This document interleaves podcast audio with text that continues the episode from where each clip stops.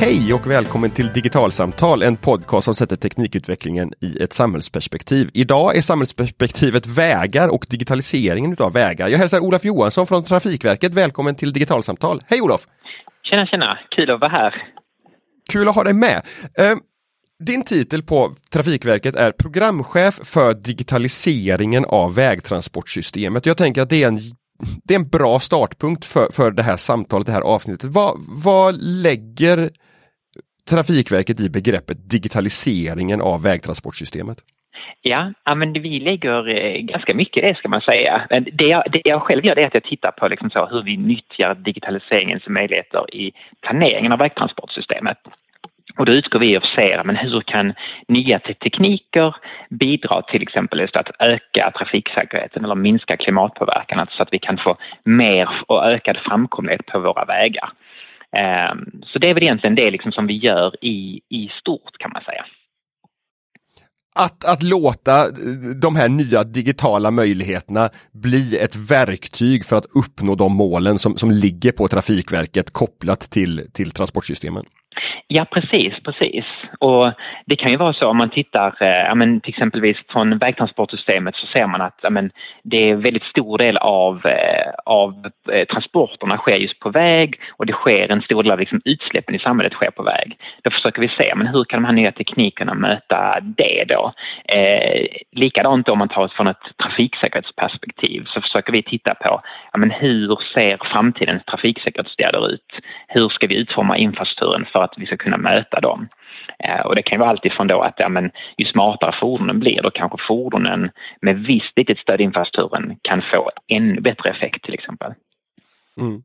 Men då, då har vi en situation här där, där vi pratar om ett, ett väldigt komplext system där, där infrastrukturen kommer, kommer bli digitaliserad i större utsträckning än vad den är idag.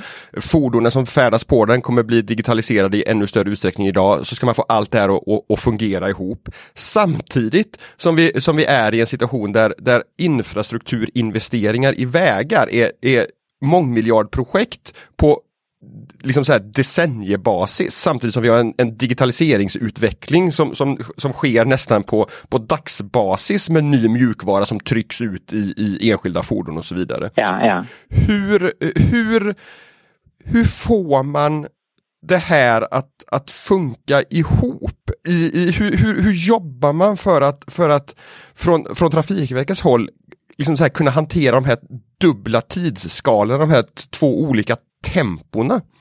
Den där frågan tycker jag är en av de mest intressanta med, med, med mitt jobb faktiskt. Och det var, vi hade en, en dragning här i veckan för våra nya traineer på Trafikverket och då ställde vi just den frågan. Hur hanterar vi den här långsiktiga planeringen av transportinfrastrukturen med den väldigt snabba teknikutvecklingen? Eh, och de fick resonera lite kring det. Det är ju en ganska svår fråga när man precis har kommit in sådär. Men det, det, vi själva tittar på mycket är att vi försöker sätta liksom någon, någon målbild eller vision ett antal år fram. Och sen försöker vi räkna tillbaka, på något sätt göra någon form av scenarioplanering och se men vad behöver vi ta för steg längs vägen för att nå dit? Och det kan vara så att om du har en, en eh, säg, säg en teknik som du tänker som ska vara ute, vi säger 2035 det, det, kan vara så att eh, för att komma dit så kanske en viss, ett visst regelverk behöver utvecklas. Och för att utveckla ett regelverk kan det ta många även många år också, även om tekniken som sådan liksom är, är snabb om man säger.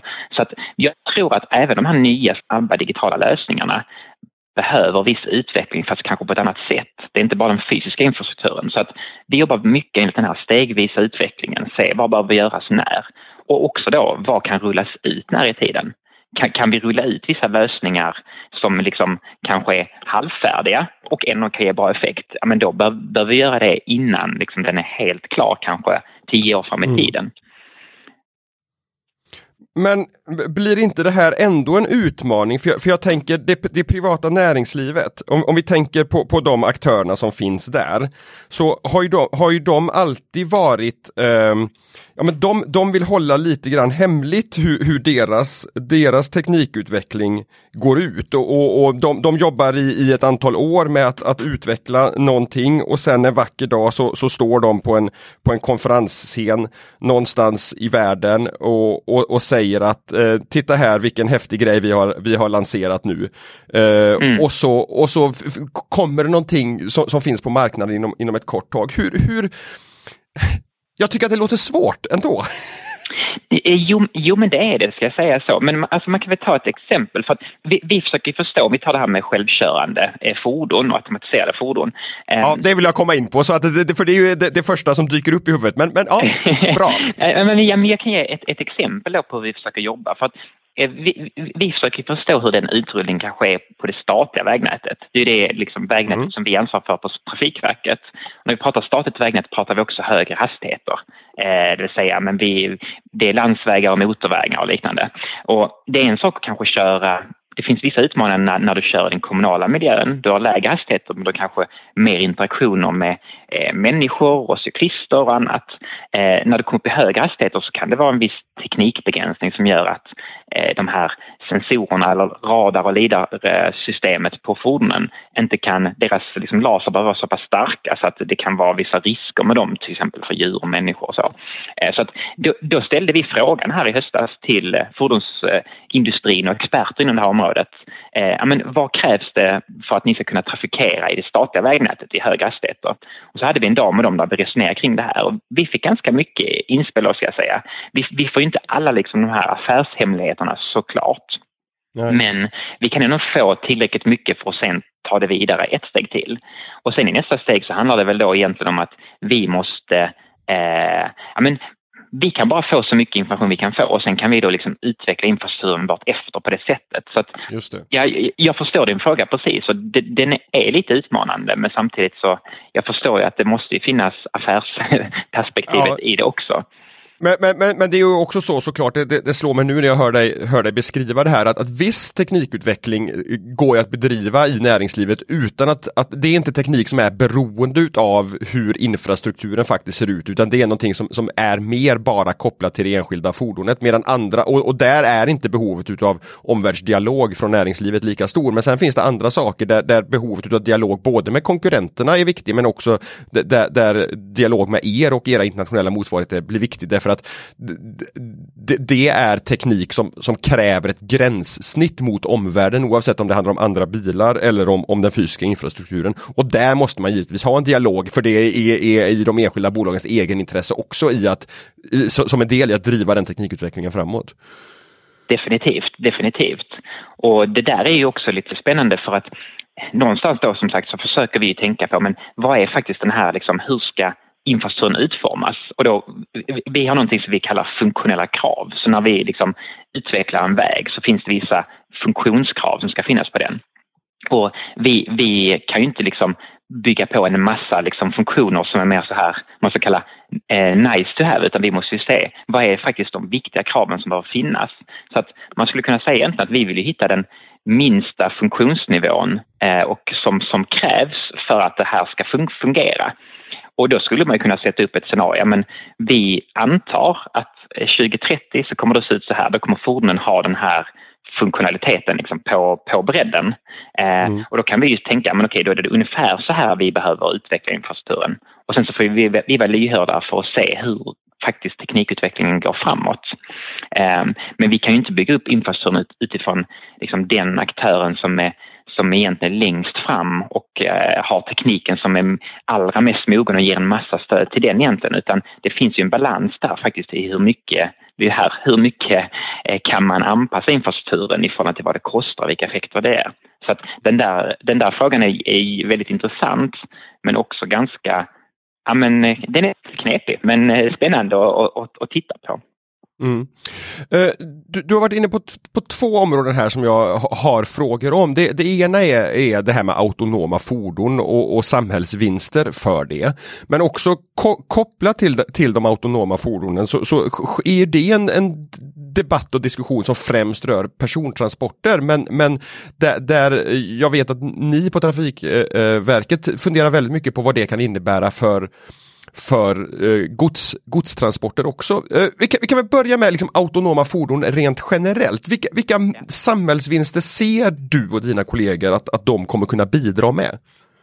Ja, men om, om man börjar med att titta liksom från eh, det perspektivet kanske som vi tittar mycket på så är ju om man tar trafiksäkerhetsaspekter.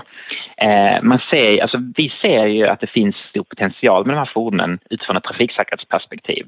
Framförallt liksom i förlängningen. Sen är det klart att en, en utrullning måste ju ske stegvis och på liksom ett, vad ska man säga, säkert sätt såklart. Men det är ju det jag ser väldigt stor potential i tittar man från liksom näringslivets perspektiv så handlar det om att du kan få bort eh, kostnader, egentligen minimera kostnader genom att ta bort förarkostnader och annat.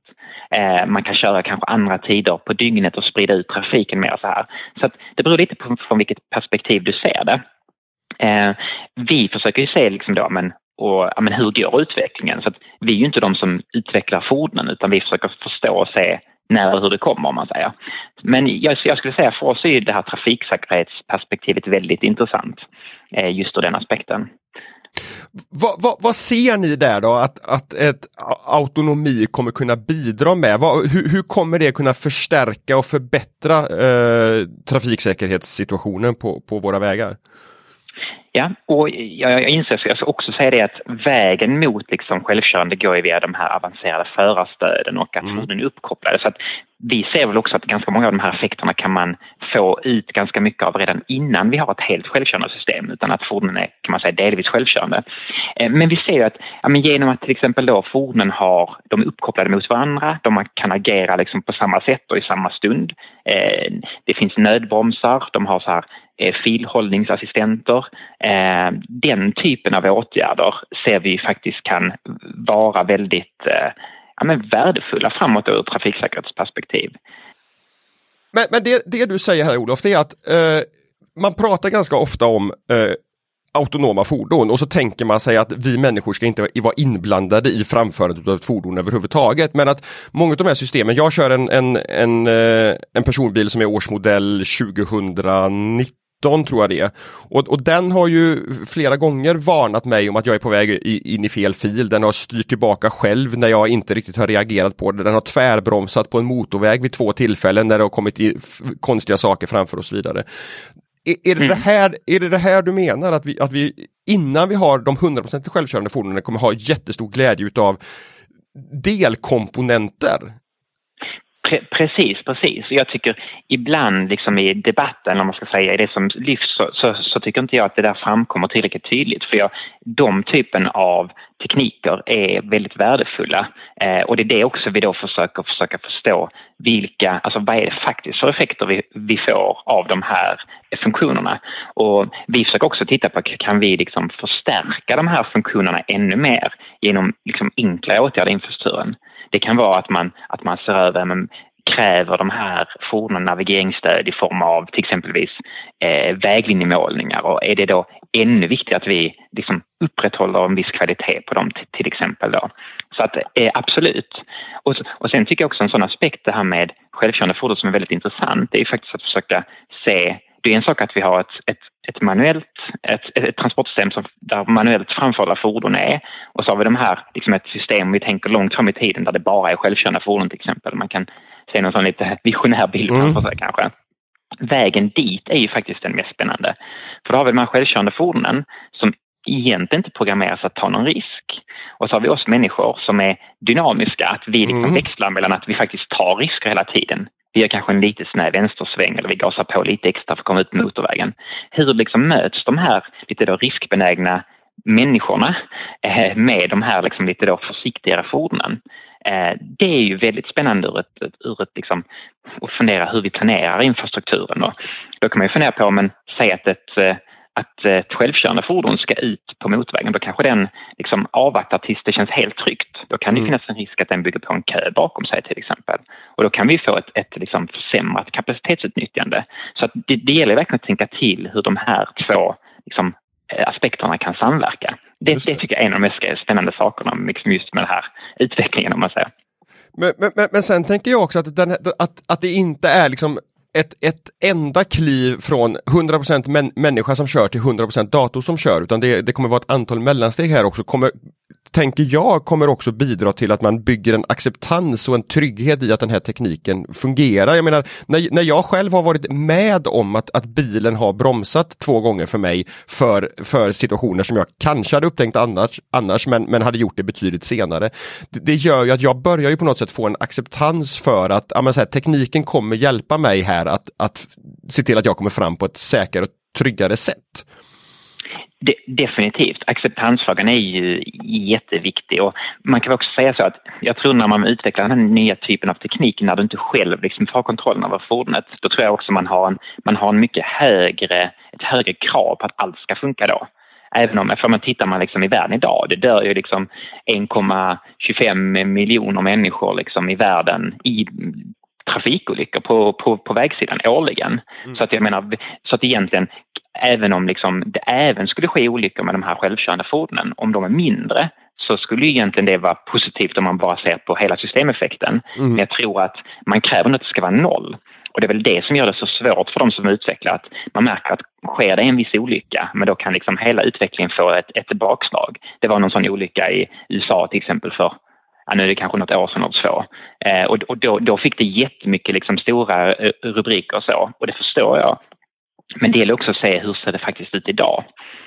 Ja precis, därför att det, det, det, är klart att det hade ju varit ett drömscenario att, att kunna säga att vi vill ha ett, ett, en teknisk lösning här som är 100% säker att det aldrig kommer ske en olycka. Men, men om man benchmarkar tekniken och infrastrukturens, liksom, det, det färdiga systemet gentemot den visionen, då, då gör man ju det utifrån inte att, att göra en, en, en nulägesbeskrivning av hur, hur många olyckor och hur många dödsoffer har vi idag? Och, och, och jag tänker att det är ju någonstans där som är den, den, den rimliga och, och, relevanta jämförelsen att göra. Att, att titta på vad, vad, vad är det som blir bättre, inte kan vi få det perfekt? Nej, nej faktiskt, faktiskt. Och det där blir ju så här lite om en, vad ska man säga, det blir en, eh, en, en utmanande fråga att ta i. För samtidigt så tror jag, tittar man till exempel vissa fordonstillverkare, de har ju så här, men säkerhet, säkerhet, säkerhet. De kommer aldrig rulla ut någonting som är osäkert. Uh, och då är frågan liksom när, när vågar man ta steget att, att rulla ut no, no, någonting då? Uh, det blir ju egentligen, uh, jag tror egentligen det kanske är fordonsindustrin där som liksom i så fall håller tillbaka för att de verkligen vill att det ska vara väldigt säkert. Mm. Uh, nu, nu, har vi pratat om autonoma fordon ur, ur något slags generellt perspektiv, men de här autonoma fordonen kan ju antingen transportera människor eller de kan transportera gods och varor. Och mm. som jag sa förut, det, där, det det pratas mest om äh, är ju äh, äh, som, som ersättare för, för persontrafiken. Men, men med tanke på de vägarna som, som ni ansvarar för på Trafikverket så, så är det mycket Eh, godstransporter som, som ni tänker kring när det gäller autonomi. Det, eh, det, stämmer, det stämmer. Och vi försöker ju alltid liksom jobba utifrån men hur kan vi stärka näringslivets förutsättningar liksom i hela landet och sådär. Tittar man just på självkörande fordon så är det egentligen, när man pratar om persontransporter så är det människor involverat. Det är mycket känslor, det, det, liksom, det, blir, det finns ju större risker då. Godstransporter har inte lika mycket människor involverat. Eh, och det är ofta, det kan vara att det går mycket gods från, vi säger en, en industri till en hamn fram och tillbaka. Och det kanske inte alltid är den mest heller vältrafikerade sträckan. Alltså det kanske är mycket färre transporter som går i förhållande till ja, men, eh, transporter, persontransporter in och ut från en stad. Så ser man det rent krasst så är det egentligen en, en lättare miljö, den här liksom mellan då till exempel industrin och hamnen, att automatisera.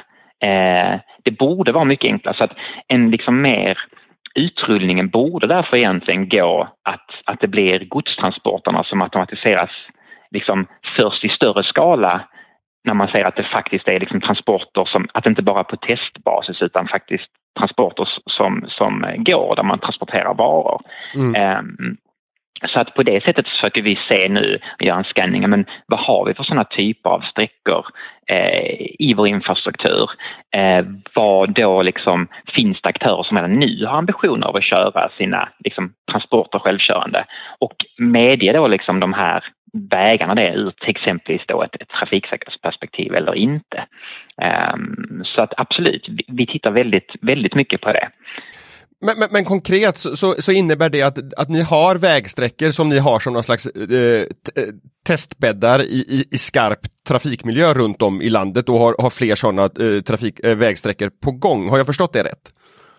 Ja, vi har, man kan säga vi har väl inga skarpa ute idag, men vi tittar på många eh, som mm. vi skulle vilja ha liksom, eh, som, som sträckor. Och då kan det faktiskt vara så att ja, men, om en industri då vill köra sina självkörande transporter, då, då kan vi ju använda den för att lära oss ja, men, och förstå och bygga kunskap i hur liksom, samspelar faktiskt de här fordonen då med infrastrukturen. Och är det då vissa smärre åtgärder vi skulle kunna genomföra där i infrastrukturen, liksom förändringar då eh, för att eh, möjliggöra den här trafikeringen ännu tidigare om man säger. Just det. För jag tänker att det måste ju vara ändå en, en, en ganska stor skillnad här på att, att göra saker och ting på en testbana någonstans i en väldigt kontrollerad trafikmiljö och, och sen ta klivet ut till en, till en riktig trafiksituation. Att, att, att de här mellanstegen, en, en avgränsad del utav det svenska vägnätet. Här, här kan du faktiskt stöta på en självkörande lastbil till exempel. Det, definitivt, eh, så är det. Och mm, alltså, pratar man till exempelvis då med den, om vi tar liksom den svenska industrin och fordonsindustrin, de, de vill ju komma ut i de här liksom, och genomföra det i de liksom, man säga, miljöer som är utanför testbanor. Um, och, men då gäller det ju, de vill göra det men de vill ju såklart göra det på ett kontrollerat sätt och ett säkert sätt och det är vi också väldigt måna om såklart. Så att det är väl det vi försöker då resonera om och vi försöker förstå, men, som sagt, var står de i sin utveckling? Eh, vilka miljöer är då lämpliga liksom att, att, att börja med det här, eh, mm. börja det här steget på då helt enkelt. Mm. Te tekniken har vi varit inne på att det givetvis är en, är en uppenbar utmaning på, på vägen här. Vi har också en, en slags acceptans hos oss alla som, som är ute på vägarna. Vad, vad finns det mer? Finns det juridiska utmaningar kopplade till det här till exempel? Ja, det finns det ju. Alltså den, en av de stora frågorna är egentligen med vem är, alltså, vem är ansvarig mm. om någonting skulle hända. Eh, det, den är ju sån och då är det ju då är det alltid från försäkringsbolag som är involverade till att liksom, är det de som utvecklar mjukvaran. Det, det, det, det, det görs väldigt mycket sådana här liksom, utredningar och studier. Vi kanske är ju lite på ett sätt lite längre från den, de frågorna. De är väldigt spännande. Eh, men det är ju ändå någonstans liksom fordonet som, som trafikerar och då, då är ju liksom vi är inte de som trafikerar massa utan vi, vi sätter upp infrastrukturen. Men den frågan skulle jag säga är ju jätteintressant och spännande. Eh, så att det är väl en av de stora som, som mm. man tittar mycket på. Mm. Nå någonting annat som, som antingen ni eller andra i den här triple helix eh, sitter, sitter och brottas med just nu för att, för att få liksom det här digitaliserade eh, vägtransportsystemet på plats? Um, ja, men om man tar, kan man prata även bort, bortom självkörande fordon nu? Absolut, det får man gärna göra. ja, ja, nej, men det, nej, men det, nej, men för jag tänker, någonting som, som vi tittar väldigt mycket på som vi ser stor potential i, det är en teknik som vi kallar geofencing, eller mm. på svenska geostaket. Uh, det är så kallade digitala staket egentligen i infrastrukturen och det kan vara att man sätter inom en viss zon eller på en viss sträcka eh, vissa kriterier. Det kan vara men på den här zonen får du max köra en viss hastighet eller eh, hybridfordon ska automatiskt slå på el eller, eller den, den typen av lösningar. Eh, det kom faktiskt som, en, som ett, eh, egentligen efter den här terrorattentaten på, på Drottninggatan så samlade politiken både eh, oss offentliga aktörer, industri och andra, men hur kan vi förhindra att det här händer igen? Och den här tekniken då, det bygger på att det sitter eh, liksom egentligen teknik i fordonen som, som kan eh, klara det här. Och det finns en massa tester eh, på gång redan idag. Eh, det finns, vi har igång så här forskningsplattform som är fyraårig där vi tittar på de här frågorna. Då både från ett legalt perspektiv och olika regelverk som utvecklas eh, till då faktiskt hur liksom det här datautbytet då kan ske och till att genomföra specifika demonstratorer. Så ett, ett exempel är att amen, om man kör förbi liksom, amen, kritiska miljöer som skolor till exempel, då, att man automatiskt sänker hastigheten. Eh, det finns igång tester nu i, i Stockholm där man tittar på att man kan köra eh, nattransporter då som går faktiskt på el och långsammare. Då, då bullrar de inte lika mycket så då, de, då får de dispens att köra eh, efter tio och före sex på morgonen som inte de får annars till exempel. Eh, och det har, gjorts, det, det har gjorts ganska mycket tester runt om i landet och som är väldigt eh, positiva. Eh, man har också gjort ett, ett i, i de miljöerna, jag vet i Göteborg på Eh, linje 55, den bussen har man också gjort en sån här geofencing-lösning. De har märkt att ja, men, när chaufförerna inte kan köra snabbare, då känner de, sig, de känner sig mindre stressade. Liksom har man fått som en sån för att men man kan inte köra igenom tiden och det, det blir både säkrare och en bättre arbetsmiljö för förarna. Um, så den här tekniken ser vi jättemycket potential i.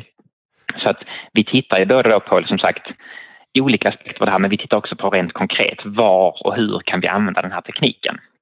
Men, men det tycker jag var, var, ett jättespännande exempel, för, för det eh, tänker jag då, för det, det kommer ju på sikt också innebära att eh, hur man i, i vilka eh, så här, pengapåsar man behöver lägga olika delar när man budgeterar för, för trafiksäkerhetslösningar kommer, kommer förändras. Därför att här kommer man inte behöva bygga vägbulor och andra typer utav, utav farthinder som, som på ett, på ett fysiskt sätt eh, dra ner hastigheterna på, på vägsträckor där det behövs utan här kommer man kunna med, med några rader programkod kunna, kunna tvinga fram de här sakerna och också då göra det på ett dynamiskt sätt. Så är det en rullskidetävling någonstans på en, på en landsväg eh, en, en, eh, en helg, då kan man införa en tillfällig hastighetsbegränsning där som, som är inte eh, möjlig att bryta utan som, som blir tvingande helt enkelt.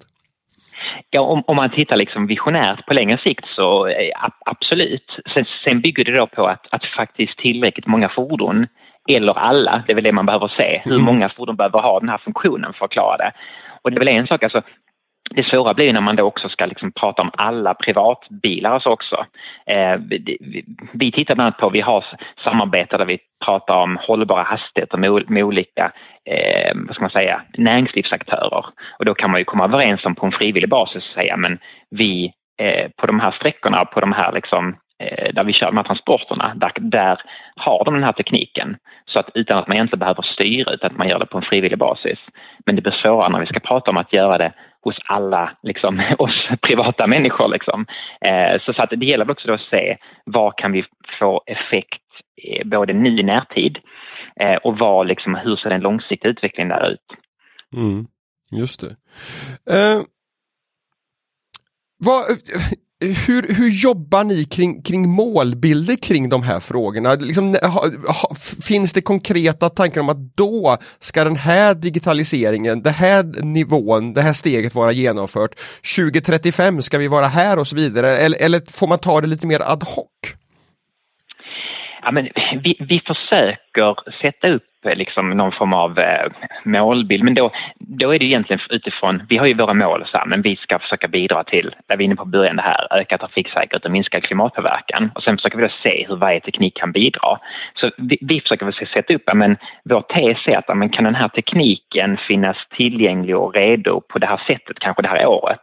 Och då liksom räkna bakåt därifrån just den här, de här, i de här stegen. Men det är inte helt lätt för att samtidigt så utvecklas ju teknikerna hela tiden också. Mm. Så att på något sätt så blir det till vissa del kan de liksom, målen då bli rörliga om man säger. Eh, vi, vi lär oss mer efterhand som gör, eh, hjälper oss förstå att ja, men, det här målet kommer vara, eh, alltså kanske den här, den här tekniken ska jag säga snarare, kommer vara eh, fullfjädrad vid det, här, vid det här årtalet.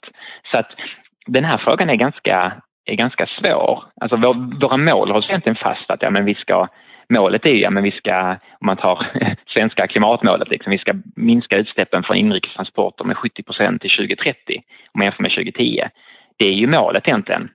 Och så tittar vi då, men hur kan den här specifika tekniken bidra till just det målet? Mm. Uh, utifrån de här målen ni har, hur, hur jobbar ni med omvärldsbevakning och, och idéskapande kring, kring teknikutvecklingen? Hur, hur, hur gör man för att hålla sig ajour med vad tekniken faktiskt gör möjligt? Ja, vi, vi har ju en väldigt aktiv omvärldsbevakning ska jag säga. Och det svåra är att det händer så pass mycket så att det är nästan omöjligt att ha koll på allt som händer hela tiden. Utan vi försöker liksom skanna i stort vad sker inom respektive teknikområde och hur kan vi, kan vi nyttja det. Så att vi, vi har, ja men dels vi har vi en liksom aktivt uppbyggd omvärldsbevakning på Trafikverket som en, en funktion hos oss ansvarar för. Och då försöker vi liksom plocka saker därifrån. Sen spanar vi vad som sker inom EU-arbetet och liksom vad som kommer fram från den typen av rapporter. Och så försöker vi se vad kan vi använda liksom in i planeringen av liksom vägnätet i Sverige där. Mm. Eh, så att vi försöker hela tiden se och göra. Och ibland kan det vara så att men, du kopplar ihop liksom en lärdomar från en viss teknik där och från en annan utredning där och en tredje där och så tillsammans kan de bli någonting intressant för oss till exempel. Så att eh, vi, vi försöker jobba väldigt proaktivt eh, på det sättet. Mm. Jag vet att du nyligen föreläste på, eh, på ett AI-nätverk som, som Tillväxtverket eh, håller i. Vad, vad, vad är AIs roll i allt det här som vi har pratat om? Ja, AIns roll är ju spännande och ganska stor. Alltså tittar man på, på självkörande fordon och så, ja, men då är det ju algoritmer liksom som programmeras att kunna hantera olika situationer.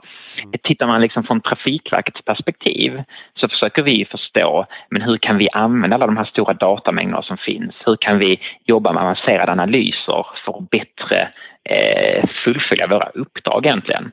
Eh, och det jag tittar på mycket då, det är utifrån det här planeringsperspektivet. Ja, men, kan vi använda AI till exempel som ett beslutsstöd för att bättre förstå hur, eh, hur det kan, eh, ja, men hur vi kan jobba, eh, vad ska man säga, med trafiksäkerhetslösningar framåt. Alltså det kan vara att om vi till exempel skannar av vägsides eh, eh, vägområdet och runt omkring där så kan man genom att analysera stora mängder data där kan man kanske förstå men här är det lite för eh, vad ska man säga, eh, hög sl eh, sluttning på slänten eller den här liksom räcket här eller den delen där, de kan vara lite farliga. Att vi då liksom systematiskt kan få den kunskapen.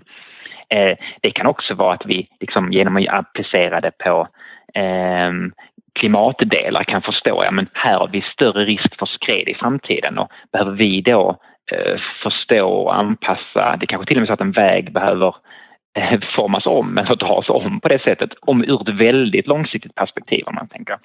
Men, men utifrån liksom en slags bildanalys där man på, på samma sätt som IT-jättarna har, har fordon som åker runt och fotograferar för, för deras karttjänster så skulle ni kunna samla in samma bildmaterial, eller ett liknande bildmaterial men analysera det utifrån trafiksäkerhetsfrågor och, och in, en, liksom ett infrastrukturperspektiv istället för ett hitta rätt perspektiv. Ja men, ja men precis, och, och det kan egentligen vara datamängder, det kan både vara liksom bildanalyser, men vi kan samla upp olika datakällor. Alltså ett, ett, ett, ett konkret exempel kan vara, vi pratar ju så om luftkvalitetsnormer och se till att hålla luftkvaliteten på en rimlig nivå. Och, och, då har vi olika typer av åtgärder som kan åtgärda. En som kan vara ett dammbindningsåtgärd till exempel. Vi binder damm och så kan det vara bra, men kan vi förstå i vilka sammanhang passar just den åtgärden bäst? Eller i vilka eh, liksom fall är det att eh, slitaget mellan däck och asfalt där vi, där vi kan få, få bäst effekt. Att förstå liksom, faktiskt vilken typ av åtgärd passar i vilket fall. Mm. Eh, Olof, eh, stort tack för ett jätteintressant samtal om eh, digitaliseringen av vägtransportsystemet. Jag har fått många nya insikter och det hoppas jag att eh, lyssnarna har fått också. Stort tack för att du tog dig tid! Ja, men tack själv, jättekul att vara med. Mm. Och till er som har lyssnat, vi hörs igen nästa, näst, nästa vecka. Det är varannan veckas utgivning just nu. Om två veckor hörs vi igen. Hej så länge!